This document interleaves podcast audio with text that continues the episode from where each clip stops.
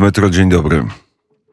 Dzień dobry Krzysztof, dzień dobry Państwu. E, to nie są e, od 24 lutego, to nie są łatwe dni e, dla Ukrainy, ale teraz te ataki z rosyjskich rakiet są coraz gęstsze, jak deszcz majowy spadają na miasta i infrastrukturę Ukrainy. Tak jest. Wczoraj przeżyliśmy mm, coś podobnego, co było przedwczoraj. Nawet atak powietrzny wczoraj był jeszcze dłuższy jak przedwczoraj, czyli trwał ponad 3 godziny. Przynajmniej tak było w Kijowie. Pod Kijowem została zastrzelona rakieta wroga na północ od Kijowa. E, natomiast e, rakiety znów ponownie spadli w obwodzie Kirowohradzkim i znów e, uderzono w infrastrukturę kolejową ale najpotężniejsze chyba uderzenie było w Dniepru, gdzie wróg spróbował zniszczyć most kolejowy. I to jest strategicznie bardzo ważny most, którym myślę, że też dostarczamy e, to, co potrzebne dla frontu na Donbasie. Także nie ma absolutnie żadnej wątpliwości, że e, te te rakiety ten te ataki, e, które widzimy już dwa dni e, z rządu, e, oni są skierowane na to, żeby nie dać dostarczyć sprzęt potężną, ciężką broń, którą otrzymujemy w tej chwili od e, zachodnich partnerów, w tym z Polski, żeby nie dać e, przerzucić to wszystko na front, gdzie ona jest najbardziej potrzebna w tej chwili. Także no nie ma wątpliwości, że oni próbują to zrobić, ale na razie e, my mamy informację, że tak, są zniszczenia infrastruktury, ale koleje ukraińskie działają i e, dostarczają to, co trzeba na front. Czyli nie udało się zniszczyć mostu kolejowego w Dniprze? O tym jeszcze nie wiemy, e, jeszcze nie ma informacji oficjalnej. Są, e, jest nieoficjalna informacja, że nie udało się, chociaż też są zniszczenia, ale e, tego jeszcze nie wiemy. Ja po prostu nie mam, nie posiadam informacji oficjalnie, dlatego nic nie mówię. Um, natomiast jeżeli chodzi o, o ogólną sytuację na froncie, to my mamy pewne sukcesy pod Charkowem. Pod Charkowem została wyzwolona kolejna, kolejna mała miejscowość około miasteczka Stary Sautów. To jest już no, dobrych 30 kilometrów od e, Charkowa na północny wschód. Um, I miejmy nadzieję, że może być tak, że może w ogóle w tej e, części e, obwodu charkowskiego e, wojsko ukraińskie zniszczy wroga i odsunie go do granic Rosji. I mamy też e, ostatnio teraz e, jest informacja od Zbrojnych Sił Ukrainy, że na południu e,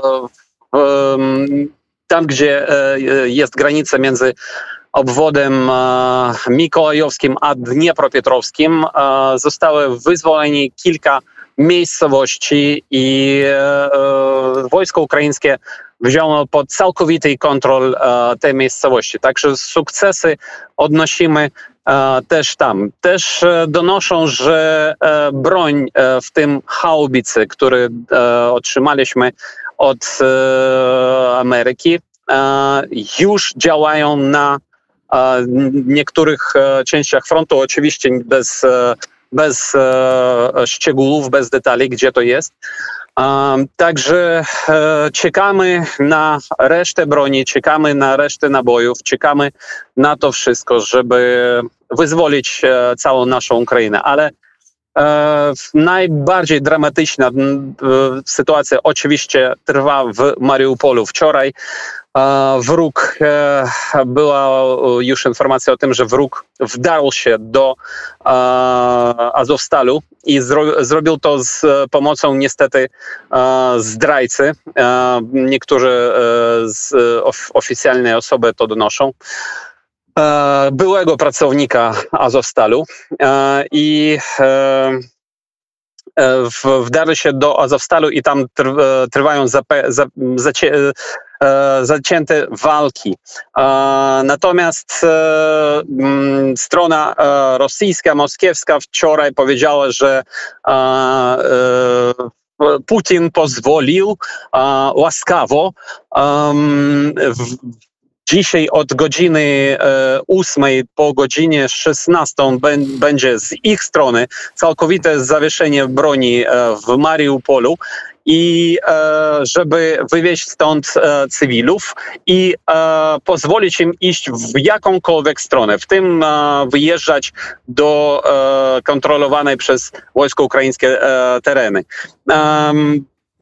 Cóż, teraz już 8.20, jeszcze nie mam informacji o tym, że broń została tam zawieszona, ale ważne też powiedzieć, że to łaskawe pozwolenie na uratowanie żyć cywilów, których oni sami zabijali tam, to nie dotyczy rannych ukraińskich żołnierzy, które tam są i to jest oczywiście e, złamanie e, przepisów i praw e, pro, prowadzenia wojny, bo zgodnie z prawem międzynarodowym oni mieliby też pozwolić wywieźć stąd rannych żołnierzy ukraińskich.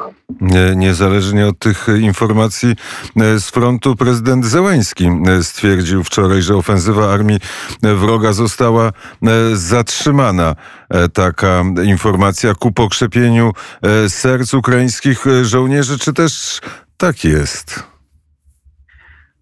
Ja mam nadzieję, że tak jest. No, przynajmniej widzę to w, w większości miejsc, gdzie trwają walki.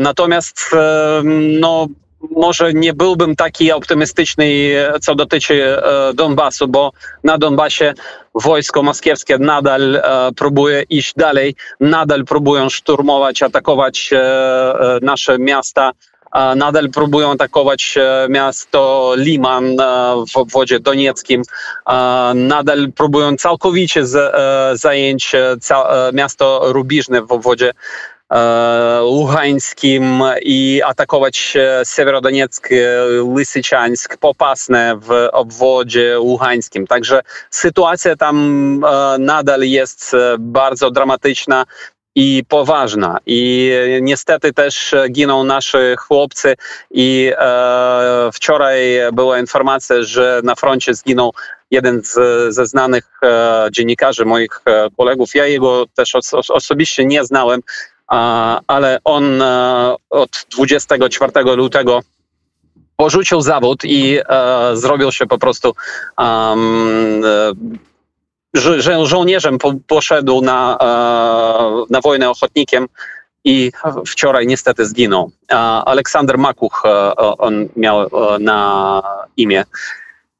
Także my niesiemy niestety straty, jako na każdej wojnie i im prędzej Zachód będzie dawał nam tą niezbędną broń ciężką, tym mam nadzieję szybciej wyzwolimy całą Ukrainę i nastąpi pokój.